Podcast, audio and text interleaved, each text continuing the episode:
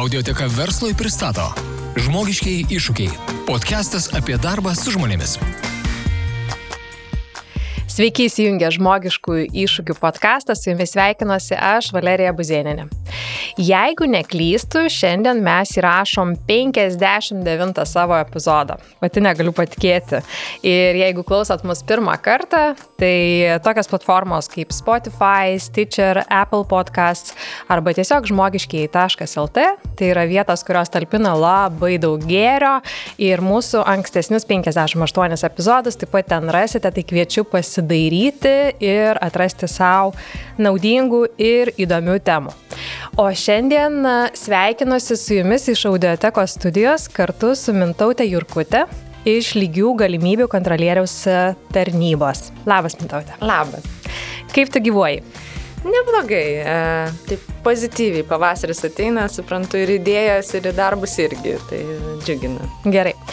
Tai šiandien, mintautė, mes e, e, susitarėm kalbėti apie apie tai, ką, ko gero, tau pačiai tenka daryti kasdien ir tą temą, kurioje gyveni nuo ryto iki vakaro.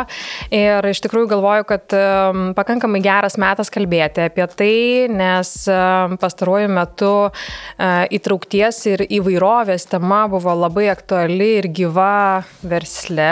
Ir daugelis mano kolegų iš uh, personalo skyrių ir iš vadovų tarpo dirbo su ta tema.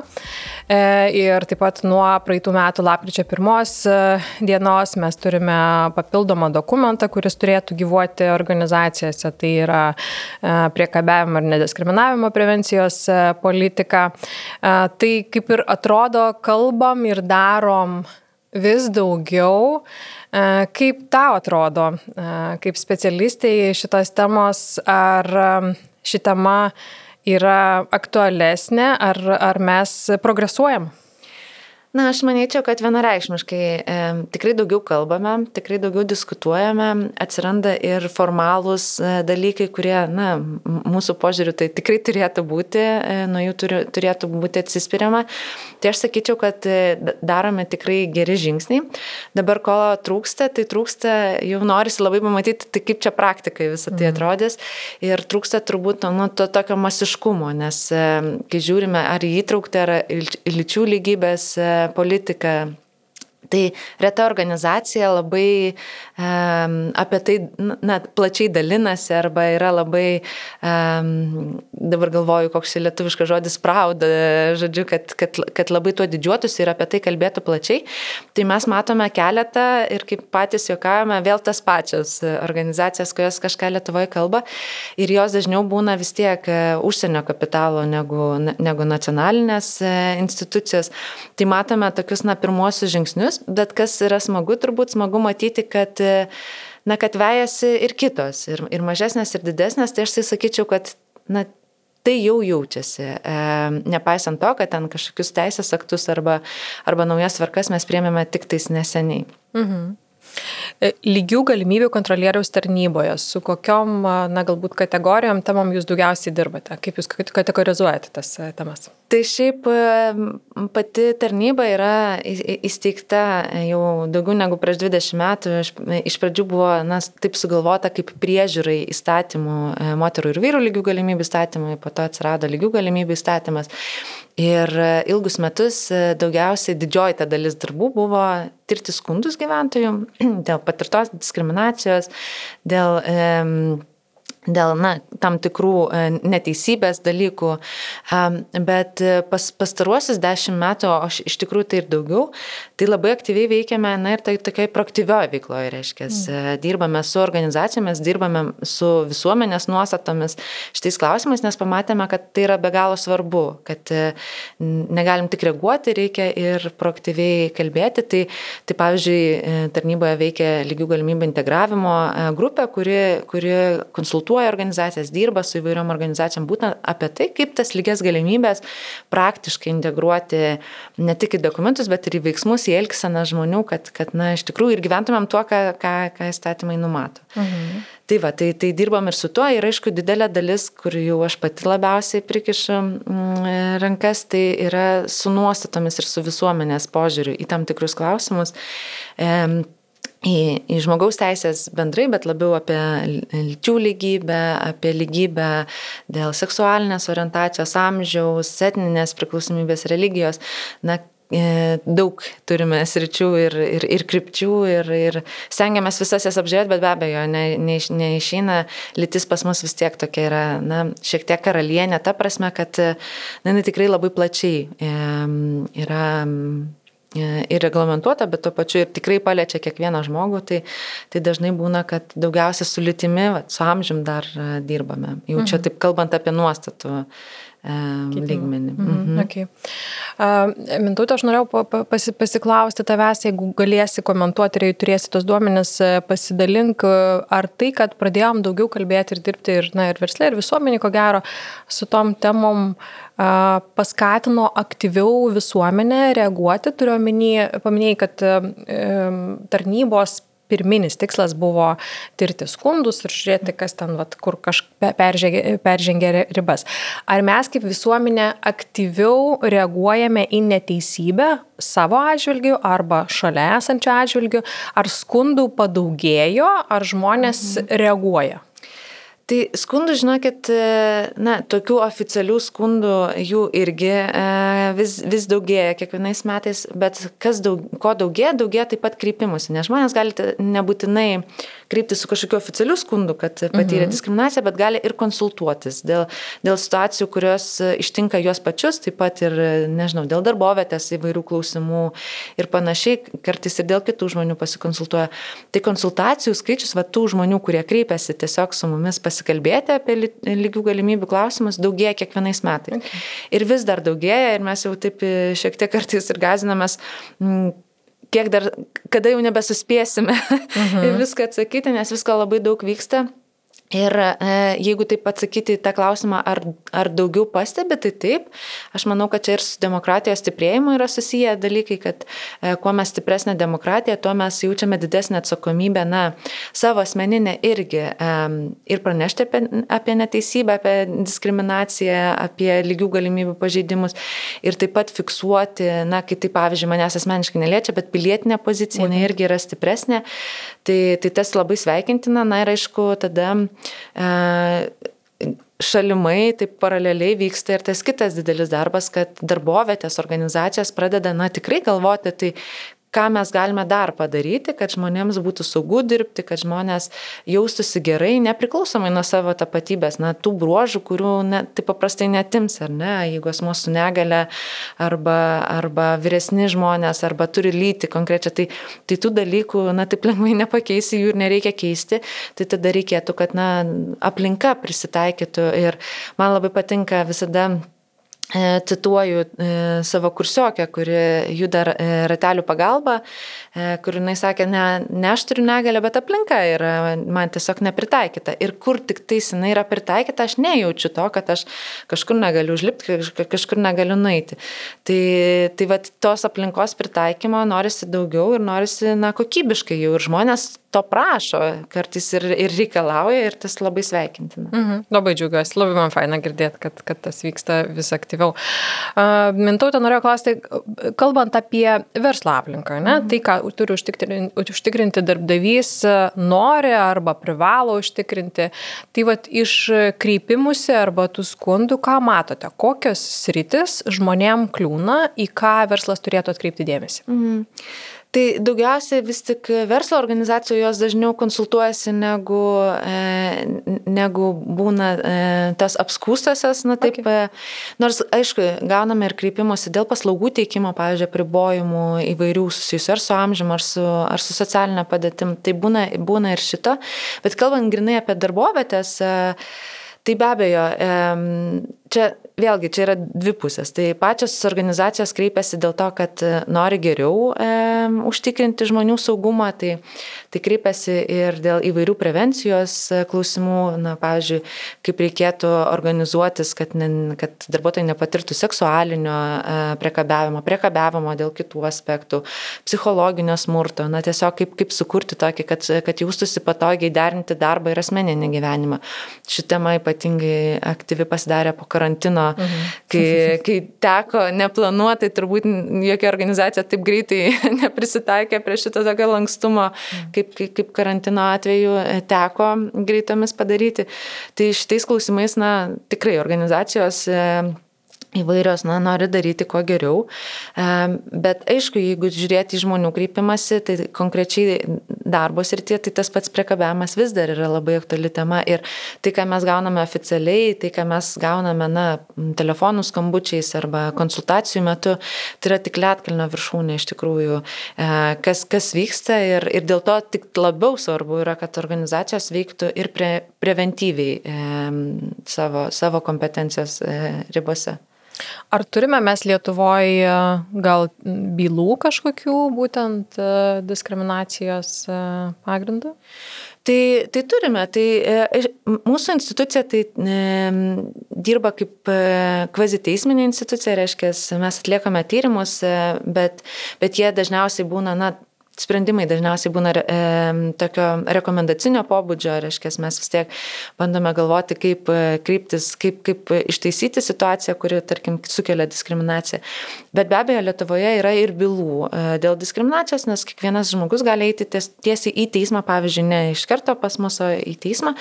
Tai, tai yra, jo, yra įvairiausių ir, ir atleidimų neteisėtų, ir, ir priekabiavimo atveju, ir patirtos diskriminacijos ir panašiai. Ir, Na, pačios įvairiausios žmogiškos situacijos, turbūt gyvenimas vyksta, e, žmonės susiduria su įvairiais iššūkiais, na ir tie iššūkiai kartais pavirsta į tikrą diskriminaciją, tai va, tai dėl tokių mhm. atvejų ir, ir kreipiasi. Ar turi kažkokių pavyzdžių, ar, ar iš nusiskundimų, tarkim, ar iš mhm. bylų, nežinau, bet kokių, kas va, tau atrodo iliustratyvu, ar, ar pačiai? Dėl darbo konkrečiai aplinkos, ar dėl taip, darbo aplinkos, jo. Ja. Tai dėl darbo aplinkos, na, e, dažnai būna, pavyzdžiui, e, jeigu kreipiasi žmogus e, jam atrodo, kad, kad, kad gauna mažesnį atlyginimą negu kolega, pavyzdžiui, kitos lyties. E, tai kreipiasi ir dėl to.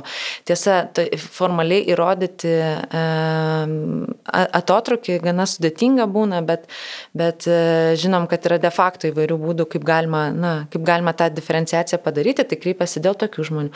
Kreipiasi žmonės e, dėl, dėl vaiko priežiūros įvairių situacijų susijusių. Dėl, na, tikrai pačios įvairiausias, dėl priekabiavimo, va, irgi kreipiasi, nebūtinai seksualinio, bet e, seksualinio irgi. Tai tokios iš, iš darbinių, e, darbinės situacijos, e, tokios galbūt pagrindinės.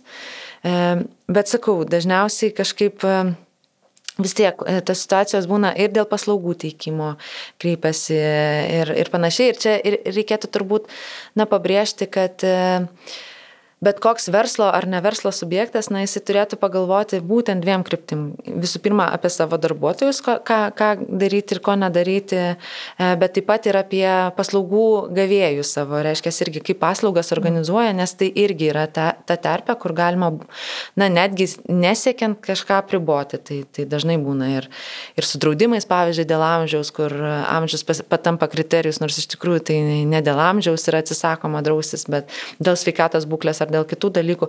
Na, daug yra tokių, tokių dalykų, kurie, kurie pavirsta diskriminacija dėl to, kad yra ar nepagalvojimas, arba ne, ne, ne, ne, neįsigilinimas, na, kaip paveiks skirtingas grupės ir panašiai. Yra daug ir labai ką konsultuojasi ir organizacijos, ir žmonės, yra daug dalykų susijusių su darbo kultūra. Na, kai žmonės jaučiasi skirtingai traktuojami dėl, dėl savo, pavyzdžiui, lyties, ar ne, tai čia taip iš darbo srities yra tokia, kai kai vyrams, darbuotojams vienos užduotis skiriamos, tos, tos jau netiesioginių ne funkcijų, o moteriams kitos, nu, pavyzdžiui, kavos paruošimas ar ten kavos aparato plovimas, tarsi pasidaro moterų kolegių darbas, jeigu reikia kažką panešti, yra kreipiamas į vyrus ir panašiai. Na taip tarsi priskiriama tokia papildoma funkcija pagalyti, kas yra visiškai nesusijęs su darbo funkcijomis. Mhm. Tai daug yra tokių irgi iš, iš, iš, iš darbo kultūros. Kai dirbame su darbo ir asmeninio gyvenimo derinimo tema, tai irgi pas pastebėjome, kad pavyzdžiui, na, e, priklauso labai nuo to, kaip darbovietėje skatinamas elgesys arba ne. E, taip, pavyzdžiui, vyrai yra linkę imti tėvadienius e, arba nelinkę. E, ir, reiškia, jeigu pavyzdžio nėra tokio pozityvaus, na, kad tai yra tokia tam tikra norma pas mus, va, yra skatinama, tai, tai vyrai yra linkę neimti net ir tėvystės mėnesio, va, yra stiprios koreliacijos rodo. Kita vertus, organizacijose, kuriuose ir patys vadovai, tarkim, yra buvę išėję ar tėvystės atostogų, ar netgi vaiko priežiūros atostogų, tai, tai darbuotojai irgi dažniau įma, na, tokio pobūdžio atostogas daugiau kalba apie šeimą ir panašiai. Tai darbo kultūra yra labai svarbis rytis irgi mhm. labai glaudžiai susijusi su lygių galimybių užtikrinimu. Tas paskutinis tavo pavyzdys, kad tu patikėjai apie tevadinius arba mamadinius, ne, čia gal netiek net svarbu, mm, tu sakai skatinama, ne, mhm. tai va čia ko gero labai svarbu suprasti, kad ne tik e, ne tik suteikti galimybę arba žinoti, kad priklauso, mhm. bet ir paskatinti tą teisę pasinaudoti, nes yra labai daug organizacijų, kurios lyg ir gal ir teoriškai suteiktų tą mhm. teisę, nepasinaudoti, bet praktikos nėra. Ir tada reikėtų žiūrėti, kas va toje vadybinėje kultūroje, kas, kas darbo kultūroje vyksta, kodėl tai. Taip, ir, ir, ir čia, čia tema tokia plati kaip vandeninas, bet yra labai svarbi, nes jinai irgi labai geras indikatorius, na kaip mes visuomenėje dažnai esam linkę traktuoti skirtingai vyrus ir moteris. Tai, pavyzdžiui, moteris kur kas dažniau darbo pokalbiuose, jeigu yra e, jauno amžiaus arba, na, tokio tikėtino, kad galbūt šeima turės mhm. greitų laikų, jos dažnai sulaukia tokių klausimų apie tai, vat, na, kokie planai, ko vyrai, pavyzdžiui, nesulaukia. Ir e, nei vienas neturėtų asmo sulaukti tokio pobūdžio klausimų, nes tai yra diskriminacinio pobūdžio klausimas. E, darbdavys neturėtų smalsauti nei apie šeimos būklę, nei apie planus, nei apie visą kitą. Bet, e, bet tai yra toksai lakmuso papirėlis ir, ir yra tekę girdėti iš kandidačių moterių, kurios sakė, man pačiai labai buvo e, geras laikas susivokti, kad aš nenoriu dirbti tokioje organizacijoje, kuri, kuri manęs klausia tokių klausimų, nes, nu, tai tikėtina, kad jeigu aš turėsiu ateityje šeimą arba jeigu aš ją turiu, kad tai bus, na, problemų šaltinis. E, jeigu jau mane e, nuo pirmo pokalbio, na, kaip ir pastato į tą vietą, kad, kad, kad tai yra nesuderinama. Tai, tai, tai ši, šitie klausimai jie yra svarbus ir kai aš sakau, kad skatiname, tai mes organizacijas ir skatiname skatinti, mhm. nes, e, na, iš tiesų darbas ir asmeninis gyvenimas yra dvi sritis, kurios neturėtų konfrontuoti, jos turėtų persipinti ir tikrai gyvename laikais, na, patog, patogiais laikais, kai tą galima labai gerai išspręsti, laisvai išspręsti ir, ir kad tai būtų patogu tiek darbdaviui, tiek, tiek, tiek darbuotojui ar darbuotojai, tai kodėl to nedaryti. Ir vien nenoras to daryti jau yra gera indikacija, kad tokioje darbovietėje tikėtina yra ir daugiau problemų susijusių su lygių galimybių užtikrinimu. Tas skatinimas, jis nėra labai iš tikrųjų akivaizdus, kaip tą daryti ir ką mes tuim užsiminėm, kad pavyzdys yra labai svarbus, mhm. skatinimas, priminimas, informacijos skleidimas yra ir, irgi labai svarbu, bet suplanuoti darbo valandas ir žmonių apkrovimą yra ko gero netgi svarbiau šituo klausimu. Mhm. Ką aš turiu omeny? E, man pačiai teko girdėti, kad, na, tarkim, mamos arba tėčiai, ir čia netiek svarbu, žmonės, kurie turi vaikų, susiplanuoja ir pasiema tą papildomą dieną e, vienu ar kitu metu. Jeigu organizacija nepasirūpina suplanuoti darbo krūvio, mhm. ką tai reiškia? Tai reiškia, kad aplinka, kuri neturi vaikų, gauna papildomą krūvį mhm. tuo metu, kai kolegos rūpinasi vaikais. Ir tai yra teisė ir viskas tvarkoja. Atsiranda susipriešinimas, kodėl aš, kuris neturi vaikų, turiu atidirbti dvigubai už tą, kuris turi vaikų. Ar tai yra sąžininga? Ir čia yra ta kultūra, apie kurią tu kalbi, kai iš tikrųjų darbdavys sako, imk, mhm. bet kolegos sudarys tokią aplinką, kad tu sakysi, ne, ne, ačiū, aš jau gal kaip nors, ne. E, kitas dalykas, kad kartais darbų planavimas pavyzdžiui, yra suplanuotas tikslas tau išrašyti sąskaitų už tam tikrą valandų skaičių ir darbdavys mhm. sako, tu gali imti tą dieną, bet tu tuo pačiu metu užtikrink, kad per mėnesį tu išrašysi mhm. tiek ir tiek valandų. Tai lyg ir kaip ir galiu, bet tada kaip man kitą dieną naktį išrašinėti tas, nu, ta prasme, tas mhm. valandas priskirti, ar ką man daryti. Tai va šitas darbo m, mm, laiko planavimas, ko gero, jis ir yra sudėtingiausias dalykas e, skatinime. Tikrai taip ir daugelį dalykų paminėjai, kur, kur, kurie tikrai labai geri. Viena, tai norėtųsi sureaguoti, kad dėl to, kad na, darbovietė skatina šeimos politiką, ne, va, nu, taip užsimti darbo ir asmeninio gyvenimo derinimu, tai neturėtų būti tik apie šeimą, tai, tai, tai, tai jokių būdų neturėtų pavirsti tam, na, tam tikrą diskriminaciją tų, kurie to šeimos neturi. Taip. Ir dėl to labai smagu, kad lygių galimybių įstatymas pasipildė šeiminės padėties pagrindu ir, ir, ir galima jau ir, ir dėl šitų klausimų. E, kreiptis. Tai aš tai sakyčiau ir, ir kai, kai dirbam su organizacijom, tai sakom, kad asmeninis gyvenimas jisai svarbus yra visiems, nepriklausomai nuo to, vaikų yra ar nėra. Galbūt kažkas sportuoja, aš, pavyzdžiui, pati e, aktyviai sportuoju, man dažnai reikia iš darbo, na, išeiti arba kažkaip lankščiai dirbti dėl sportinės veiklos ir panašiai. Kažkas galbūt turi hobių, kažkas galbūt turi, na, kitų e, veiklų, kurios atima laiko ir, ir yra svarbios e, jų gyvenime. Tai tą būtinai reikėtų atsižvelgti. Bet dabar kalbant apie planavimą, žinoma, čia vėlgi yra įvairių gerųjų praktikų, kuriomis, na, ir skatiname vadovautis. Tai visų pirma, e, labai aiškiai įsivertinti padėtį, kokie yra lūkesčiai ir poreikiai darbuotojų. Mhm. Ir tą galima daryti įvairių, įvairių įrankių pagalba, apklausų, galima daryti kiekybinės apklausas, kokybinės, galima daryti rutininius pokalbius su darbuotojais, susirinkti tą informaciją. Aš suprantu, kad čia atsiranda tarsi tokia papildoma našta to darbo organizavime. Bet uh, Nu, bet žmonės yra socialus ir labai organizuotas būtybės ir, ir norint tą, tai net nėra sudėtinga, iš tikrųjų nusistovi, galbūt pačioj pradžioje yra, taip atrodo, e, tą perversmą padaryti, čia, čia labai didelės investicijos, bet tie, kas padaro, iš tikrųjų e, mato naudą, nes žmogus, kuris yra laimingas ir kuris gali, e, na, suderinti dalykus, kurie yra svarbus ir karjera yra tik vienas iš, Taip. jie yra ir našesni, tyrimai rodo, ir, ir pozityvūs pozityvesni ir kūrybiškesni, reiškia, e, tos pačius darbus išsprendžia greičiau, e, kūrybiškiau ir panašiai. Ir, ir tai tikrai neša naudą, na, net ir monetinė, e, ne tik tais gerbuvio klausimas, kad, kad darbuotojai yra laimingesni, tai labai skatiname tą, na, apgalvoti ir pamatuoti, ką jūs prarandate, kai turite darbuotoją, kuris yra nemotivuotas, pavyzdžiui, dėl to, kad jaučiasi spaudžiamas, jaučiasi na, apribotas e, savo darbo valandų ir panašiai. Mhm. Grįžtant šiek tiek prie pavyzdžių, ar, ar turėtum mintautę kažkokį e, atvejį ar nusiskundimo, ar kažkokį vat, na, atvejį, kurį teko nagrinėti, kuris tau asmeniškai buvo gal netikėtas kažkoks? Mm. Tai e, aš tai turiu tokį, e, tokį net nežinau kaip, kaip pasakyti, tokią net e, aistrą skaityti tas gerosius pavyzdžius, domėtis, kaip, kaip yra išsprendę kitose šalise. Arba, na, man labai patinka tie geriai pavyzdžiai, va, tie atvejai, kuriuos aš maloniai studijuoju ir man visada atrodo, o ir tą galima daryti, ir tą galima daryti ir panašiai.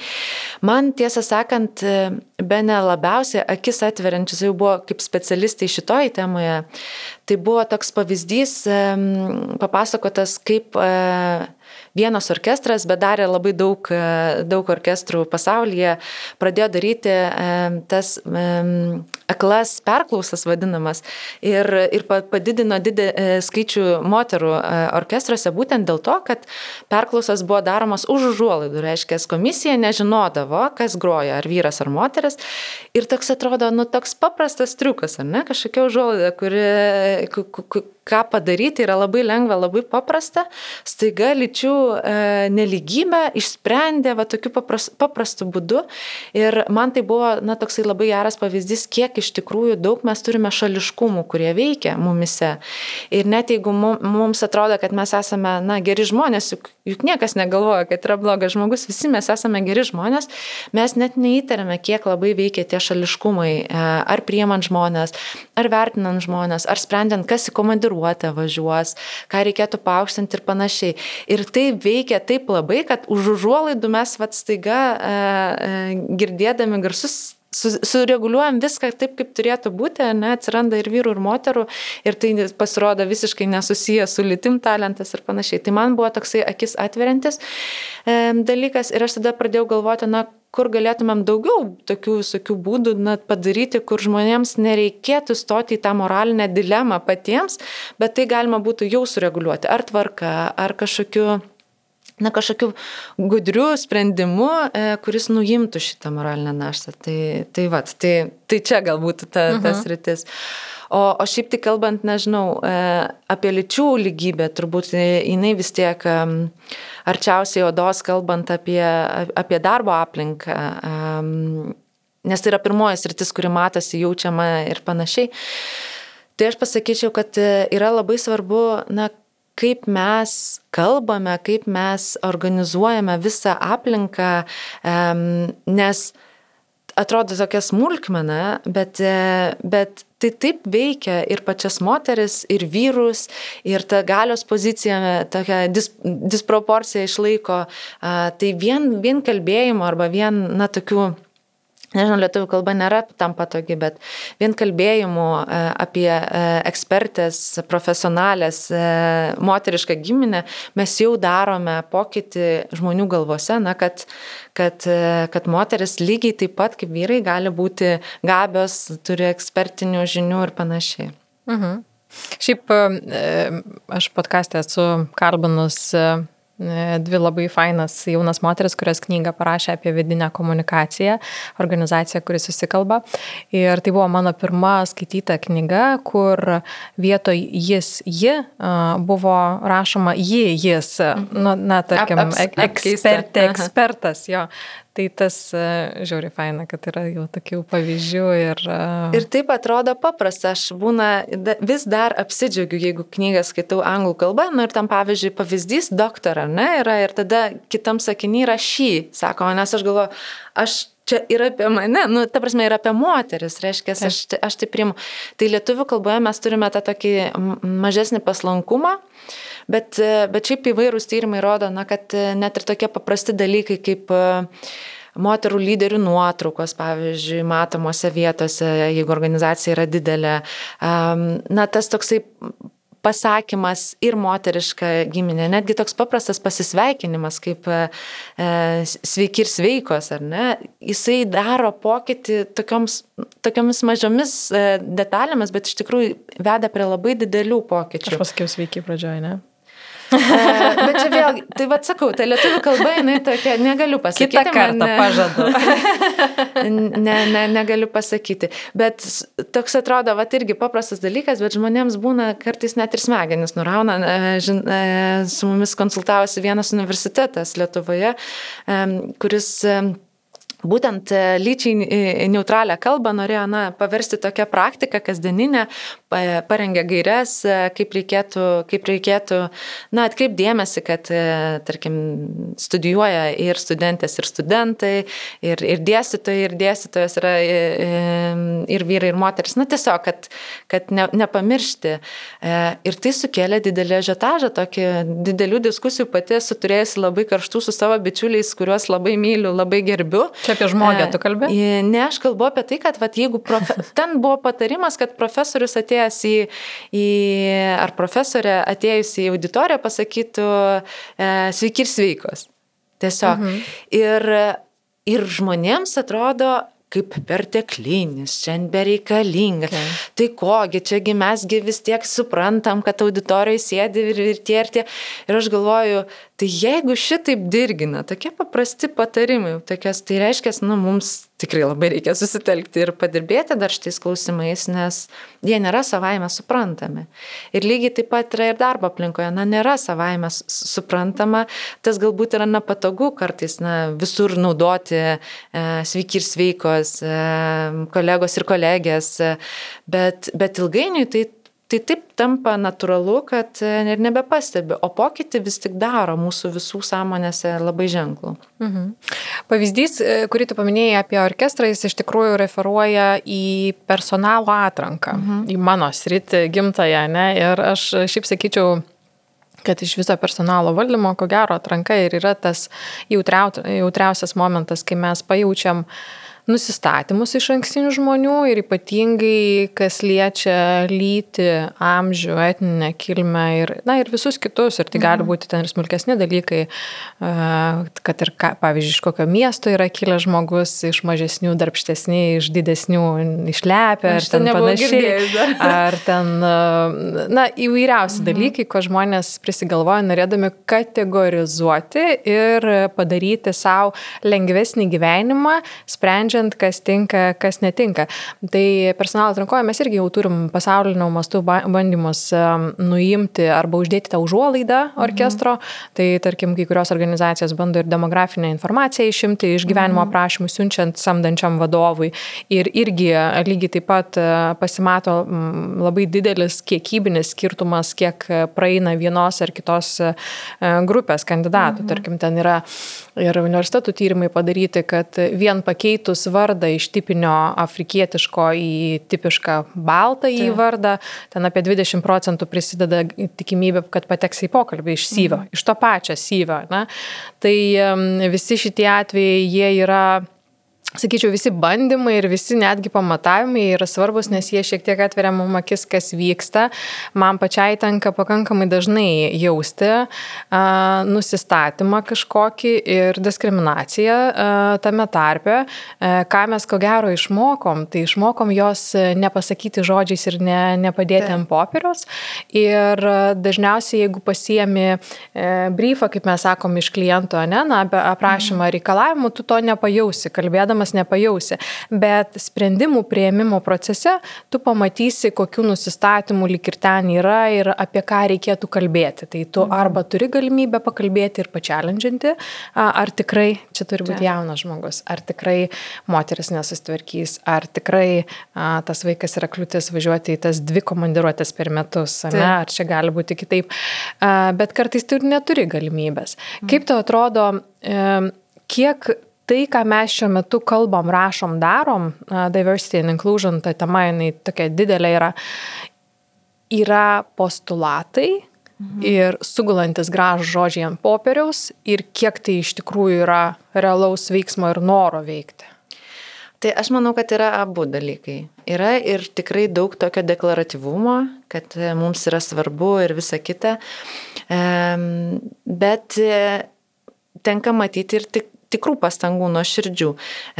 Tiesa, kiekviena pastanga, na, jinai taip, jeigu tai būtų lengva išspręsti, va taip, va, mes čia metus padirbėsim ir visą kitokią situaciją turėsime, tai, tai turbūt daug kas, daug kas jau būtų pasidarę. Bet kadangi na, nuostatos ir elgsena ypatingai keičiasi labai pamažu, tai, tai galbūt mes na, dar neturime tų, tų progų pamatyti jau tokių labai apčiopiamų rezultatų masiškai. Bet, bet daugybė šiaip organizacijų, e, tiek valstybinė sektoriaus, tiek privataus sektoriaus daro, stengiasi ir, ir kažką daro. Dabar klausimas, kiek tai deklaratyvu, kiek tai yra nuoširdi pastanga, sunku įvertinti, reikėtų turbūt, būtų įdomu pasidaryti tyrimą ir e, yra tekę matyti, na, Mes turime bent keletą įrankių, kuriais galima pasimatuoti status quo organizacijos, tai yra lygių galimybių liniuotė, prieš tai buvo lyčių lygybės liniuotė. Um, Ir organizacijos, kai kurios, na, gana formaliai atlieka, pasižiūri tos rezultatus, ten parodo ir, ir formalesnius dalykus, bet taip pat parodo ir kultūros dalykus. Ir, na, pasižiūri, pagalvoja, kad jau kažką padarė ir, pavyzdžiui, daugiau nieko ir nepridėjo, bet yra organizacijų, kurios padaro, pamato ir yra absoliučiai sužavėtos galimybių, ką dabar galima daryti. Ir, ir valstybinių irgi, kur atėjo, atsimenu, su mumis pasikonsultuoti jau liniuotę atlikusi institucija institucija valstybinė ir sako, mes čia dabar tai pagalvom, susidėjom tokį dviejų metų planelį, norėjom pažiūrėti, ar čia, ar čia jums atrodo logiška, nu, va, tiesiog pasikonsultuoti. Ir e, ten buvo dvi, e, dvi specialistės e, iš personalo, man atrodo, ir, ir iš komunikacijos, žodžiu, skirtingų sričių. Ir jos parodė tą planelį, mes atsimenu su kolega sėdėme ir žiūrim, sakom, čia ne planelis, čia didelis planas, kaip jūs jį sutalpinsite du metus, nes ten ambicijos ir dideli iššūkiai, joms atrodė, kad jos čia kažką labai smulkiai, bet iš tikrųjų tai, tai atrodė įspūdingai, reikėtų šiaip e, būtų įdomu sugrįžti, kaip jums sekasi uh mhm. -huh. su, su to planu, bet kad yra ir tokių, tokių būdų. Tai, um, Tai čia, žinot, kelias ilgas. Mes jau dabar net ir prašome tokio įsipareigojimo didesnio, kad nebūtų tik tais, kad, na, mes čia pasižiūrėsim, šiek tiek ten mokymus padarysim, nu, varnelės užsidėsime ir, ir jau bus pasirūpinta įvairovė ir lyčių lygybė organizacijoje. Tai to be abejo neužtenka, bet organizacijos, kurios rimtai nusiteikia ir, ir tą pradeda kelią, Tai bus įdomu pasižiūrėti, aš manau, po keleto metų mes jau matysime kitokį vaizdą kai kuriuose organizacijose, kurios galbūt ir pasigirs, nes to pasigirimo ir, ir, ir trūksta apie tai, kas jau daroma. Mhm. Mintautė, kalbant, tarkim, apie tai, ką tu sakei, kas, kas yra didžiausia tema ir tokia garsiausia, didžiausia atgarsio sulaukianti, ne, lyčių lygybė. Mhm. Uh, mes kaip ir užsiminėm, kad labai svarbu matuoti ir pasižiūrėti, mhm. įsivertinti situaciją. Kartais matuojant ir įsivertinant ir keliant tikslus, mes pradedam kalbėti, e, na, organizacijos pradeda kalbėti apie kvotas. Mhm. Ką manai? Na, kvotas yra toksai kontroversiškas klausimas ir aš, aš suprantu, daugelis e, piktinasi gal iki galo net ir nežinodami, kas tai per įrankis. Tai kvota visų pirma savo esme yra na, specialioji priemonė, kuri turėtų padėti lyčių lygybei arba na, kitų pagrindų egzistuojančiai neligybei susireguliuoti ir atšaukta iš karto, kai tai pavyksta. Um, tai, tai to atšaukimo kažkaip visi pamiršta, pamiršta ne? paminėti, kad čia vis tik tai yra laikina speciali priemonė, okay. į, įvertinant, kad, na, tarkim, istoriškai susiklostė, kad mes turime vat, na, tokią segregaciją lyčių ten kokiam nors sektoriuje arba arba horizontalią, arba vertikalę segregaciją, na, reikia labai pasi, pasi um, na, norisi situaciją pakeisti, tai, tai kvota galėtų būti e, kaip priemonė, vėlgi Lietuvoje mes neturime įstatymo, kuris leistų jas taikyti e, oficialiai, mes e, kaip ir turime tokią išimti, kad tai nebūtų laikoma diskriminacija, bet kol neturime įstatymą, tai niekas jų netaiko, tai niekas ir, ir, ir nesikreipia iš jų, e, bet e, Šiaip ten yra labai svarbus momentas, kurio negalima būtų pamiršti, kad jinai gali būti puikia priemonė tais atvejais, kai mes turime kandidatus, e, kurie yra lygiaverčiai. Reiškia, jeigu tai yra lyties pagrindų, reiškia, mes turime vyrą ir moterį, mhm. kurie savo profesiją, kompetenciją yra lygiaverčiai ir tada, taikant kvotą, paimame tą asmenį, kurio reprezentacija yra mažesnė organizacija. Reiškia, jeigu trūksta vyrų, tai paimam vyrą, jeigu trūksta moterų, paimam moterį, jeigu tai yra e, kvota dėl kito tapatybės brožo, tai panašių principų. Čia yra labai svarbu. Ir čia yra labai svarbu, kad ne, nereikėtų, ką dažnai labai ir ypatingai populistai vat, pasičiupę mėgsta pasakyti, tai dabar čia mes pririnksime žmonių, kurie nei kompetitingi, nei dirbti nesugeba, tai, tai ne, šito, šito e, neturėtų būti, čia yra kalbama, kai kaip speciali priemonė tais atvejais, kai mes vis tik turim lygiai vertę situaciją. Dabar, ar tai gali būti gera prie, priemonė, žinot, pasaulio pavyzdžiai kitose šalise rodo, kad vis tik yra patogi priemonė e, keisti situaciją. Ypatingai tose sritise, kur, kur na, yra labai istoriškai susiklosčiusi neligybė, na, to, tokia segregacija ženkli. Um, Mesgi praeitais metais e, pagaliau e, direktyvą persikėlėme į nacionalinę teisę e, dėl biržinių bendrovių. Tiesa, tų biržinių bendrovių Lietuvoje yra viso labo 18, tai čia nebus didelis pokytis, bet pavyzdžiui, kai buvo svarstomas šitas direktyvos tekstas na, ir tariamasi su kitomis ES šalimis, tai Suomiai nuėjo e, kelią kur kas didesnį ir jie sakė, mes imsime ir privatų verslą ir viešai sektorių, nes mums atrodo tai prasminga. Ir pas juos buvo ženklus pagerėjimas, na, ypatingai tose sritise, kur mes nu, esame pripratę matyti moterų mažiau. Tai vadovaujančiose pareigose, e, svarbiose postuose, e, aukščiausiose lygmenyse ir panašiai. Tai jie pasižiūrėjo rimtai ir susireguliavo greičiau taikydami. Dabar ar reikėtų tą taikyti Lietuvoje ar ne, aš nežinau, aš, ne, aš, aš nesimčiau tokio vertinimo, norėtųsi tokio didesnės analizės, bet vis tik duomenys rodo, kad na, tai yra paveikia priemonė, kaip viena iš, be visų kitų, kurias irgi reikėtų paraleliai taikyti. Okay. Ar turi kažkokiu pavyzdžių organizacijų Lietuvoje, kurie yra pionieriai veiksmų prasme šitoje srityje? Na, Yra šį pavyzdžių tokių, kurie, na, aš tai sakyčiau, kad ir, ir bitę reikėtų pasveikinti už, gal atsimenat, kurie partnerystės neįteisinus vis tik savo darbuotojų gyvenančių partnerystėje, na, tarsi teises užtikrina ir, ir, ir pripažįsta tai, ko įstatymais nepripažįsta valstybė. Tai tokių visokių pavyzdžių yra. E, yra organizacijų, kurios kurios gana neblogai pasistumėjo su darbo ir asmeninio gyvenimo derinimu ir peržiūrėjo, taip mes irgi su viena organizacija dirbame net e, keletą metų ir ten buvo darbas, na, ir ties nuostatų lygmenių, kuris yra be, be abejo svarbus, bet taip pat ir ties elgsenos.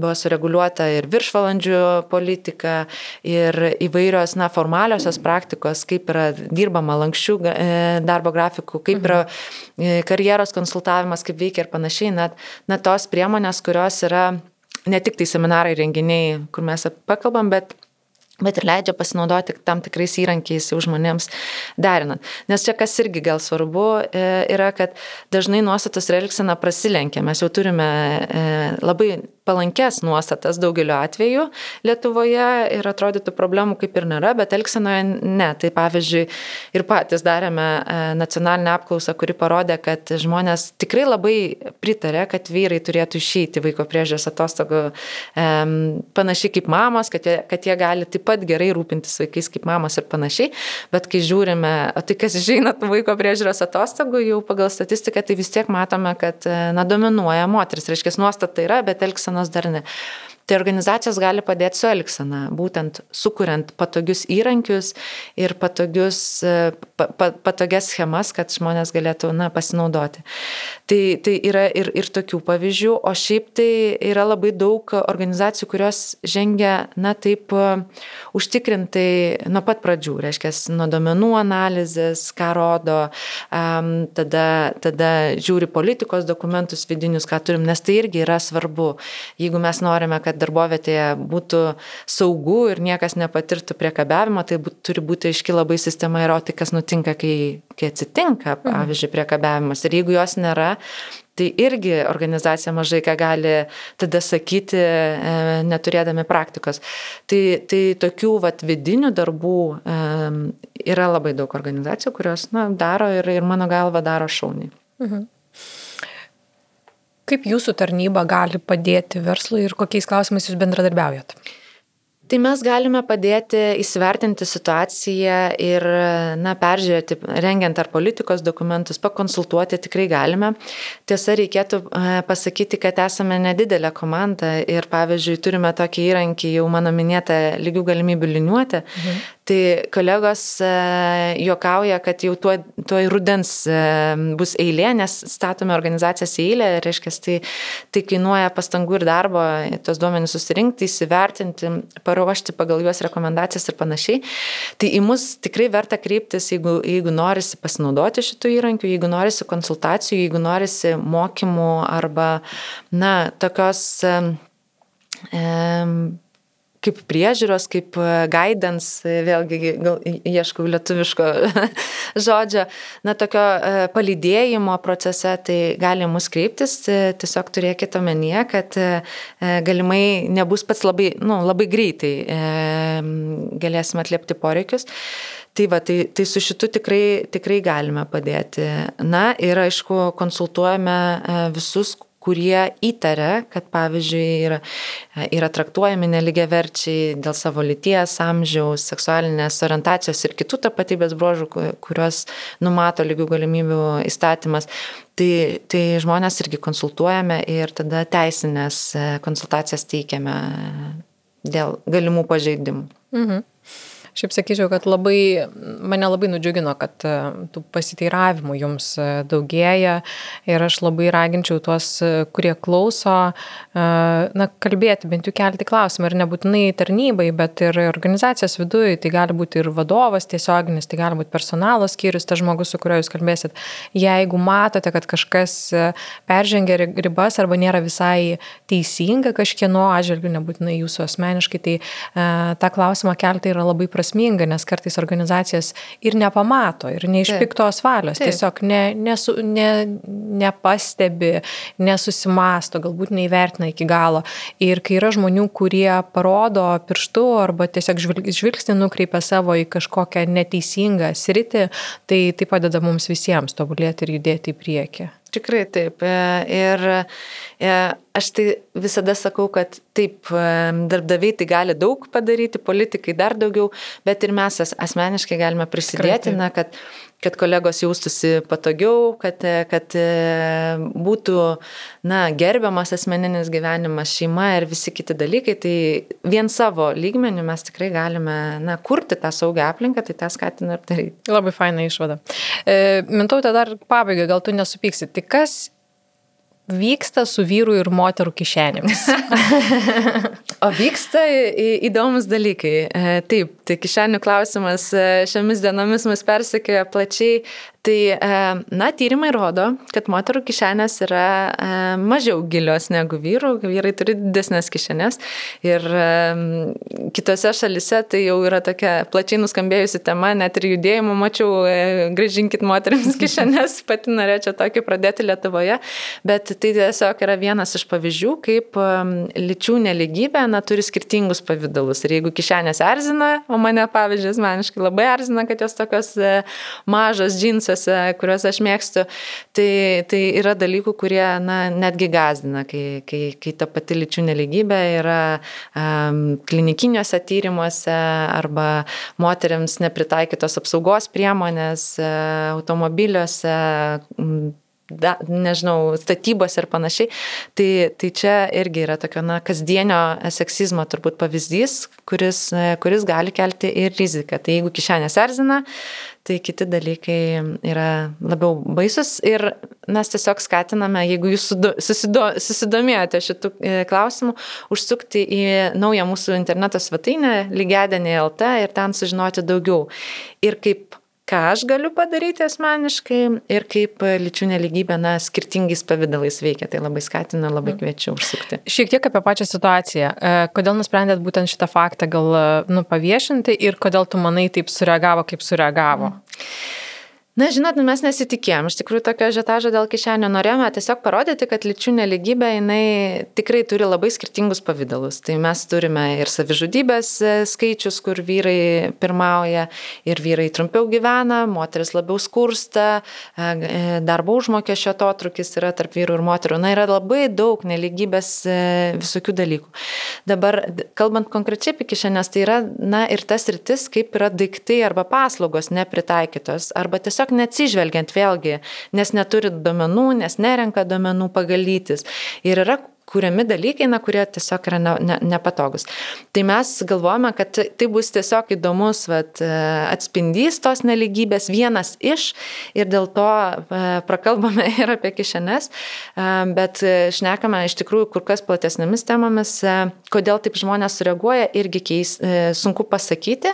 Aš sakyčiau, kad mes turime labai daug kaip visuomenė internalizuoto seksizmo ir mizoginijos, tą mes matome iš komentarų, iš, iš, iš didelio nepykantos pliūpsnio, atrodo toks nekaltas dalykas kaip mm. kišenės ir, ir tiesiog nepatogumas e, kai kurių dalykų e, sukelia vat tokią reakciją.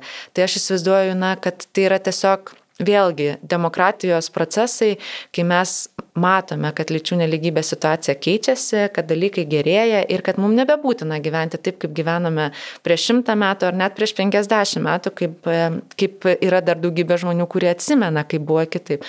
Tai kai juda pagrindas, galbūt yra baisu žmonėms, e, kad čia dabar neaišku, kur nuves tos kišenės, e, bet, bet žinot, Mes tai tiesiog irgi norime na, pakviesti pasižiūrėti tiesiog plačiau į, į, į lyčių neligybę ir atrasti, kaip kaip kasdienoje tai veikia, pasitaiko ir ką aš konkrečiai galiu padaryti. Gal ne dėl kišenių, bet dėl kitų dalykų. Nežinau, paskatindama kolegę moterį aplikuoti į, į, darbo poziciją, kurios jinai nesvarstė, nes, nes nepasitikė savo jėgomis. Arba pagirti mamą su vaikais, kad tu puikiai tvarkaisi e, tą akimirką, kai jai atrodo, kad viskas lysta iš rankų. Tai yra daugybė dalykų, ką mes galime padaryti savo asmeniniam gyvenime ir aš labai kviečiu užsukti į tą svetainę lygiadienį LT ir na, pasižiūrėti, pasi, pasinagrinėti daugiau, tai kuo čia susiję su manim ir ką galiu padaryti. Tai ačiū tau labai. Ačiū ir visus tau. kviečiu nepykti, o padėkoti likimui, kad kišenės kartais mus išveda į didesnės diskusijas svarbesniais klausimais. Taip. Ir tai ir yra svarbiausia. Tai Taip. dėkui ir Ačiū gero. tau. Jūs klausite podcast'o Žmogiškiai iššūkiai. Kad nepraleistumėte naujų epizodų, kviečiame prenumeruoti laidos naujienlaiškį adresu žmogiškiai.lt. Podcast'ą prenumeruoti taip pat galite per Apple Podcast, Google Podcast, Spotify, Stitcher ir kitose platformose. Laidos partneris Audioteka verslui. Nuolatinio tobulėjimo kultūra jūsų organizacijoje. www.audiotekaverslui.lt